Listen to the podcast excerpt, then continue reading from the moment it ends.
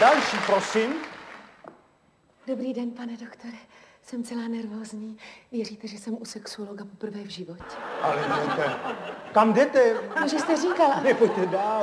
To já se jenom tak divím, protože když se člověk na vás podívá, tak si myslí, že jste u sexuologa pečená vařena. Posaďte se. Děkuji vám. Tak eh, co vás trápí? Ach ano, ale jak začít? Jsem 20 let šťastně vdaná, ale letos jsem byla v lázních. S manželem? Ne, se žlučníkem. Víte, to společenské prostředí na mě nějak zapůsobilo a já jsem se seznámila s mužem. Ano, to chápu. A byl to zajisté takový eh, hogo-fogo, nebo ne? Tak Hogo trochu byl, ale Fogo rozhodně ne. Jo, a vy máte s tím pánem techtle mechtle? To ještě ne, pane doktore, zatím jenom techtle. K mechtlím jsme se do posud nedostali. Ve vašem věku? Eh, tam, kde jsou techtle, tam bývají také mechtle. Jenomže já jsem velmi přísně vychována. Moji rodiče mě před mechtlemi varovali. A vyhrožovali, že překročím-li rámec techtlí, vyženou mě z domova. To jsou jenom takové rodičovské láry, fáry. Láry možná, to připouštím, ale Fáry ne. Tatínek byl důsledný. V každém případě to mělo vliv na to, že můj manžel byl prvním mužem, se kterým jsem měla po dvouletých techtlích i mechtle. Pochopitelně až po svatbě. A to je zajímavé. A manželství probíhalo, myslím, eh, po té sexuální stránce absolutně normálně. Techtle i mechtle byly v náležitém souladu. Víte, pane doktore, já se vám musím s něčím přiznat. Já jsem spíš taková citově založená bytost. Takže mě vlastně ani nevadilo, že manžel poněkud mechtle zanedbával. Hlavně, že byli techtle. A on se neoddával pití alkoholu. Jo, takže eh, mimo manželské mechtle jste nevyhledávala. Ani techtle. Pane doktore, nebýt toho osudného pobytu v lázních... Ale prosím vás, eh, se nic nestalo, eh, když došlo pouze k techtlím. Jenomže on na mě žádá i mechtle.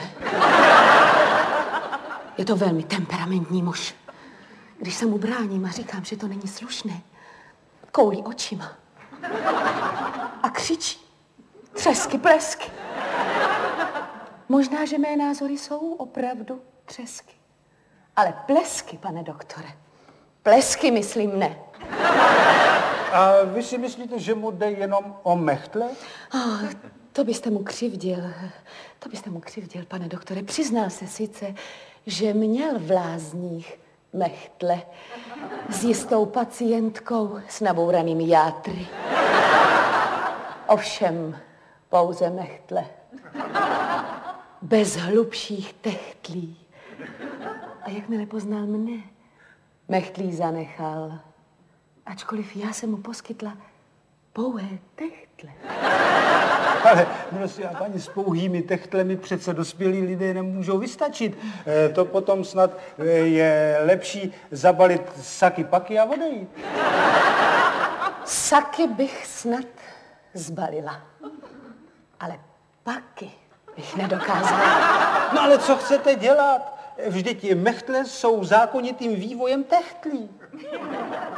Tak vy se domníváte, pane doktore, že Hugo na mne mechtle požaduje právem?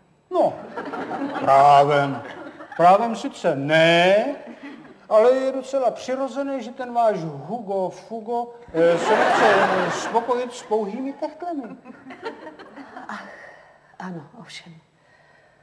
Ale co, když se to dozví manžel? Víte, co mi udělá? Rozseká mě na cimpr. Snad na cimpr campr. O ne, ne, ne, tak surový on zas není. Kvůli mechtlím by mě na campr nerozsekal. Ale na cimpr ano. A teď se vás ptám, pane doktore. Stojí mechtle za rozsekání na cimpr?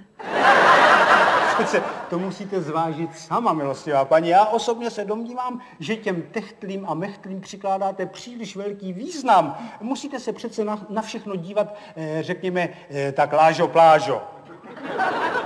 To nedokážu. Lážo možná, ale plážo ne.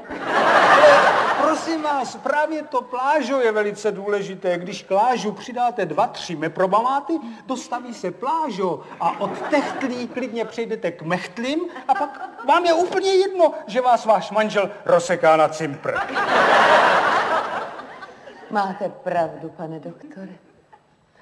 Hlavně, že nedojdu k campru. A moc vám, opravdu moc vám děkuju za pochopení.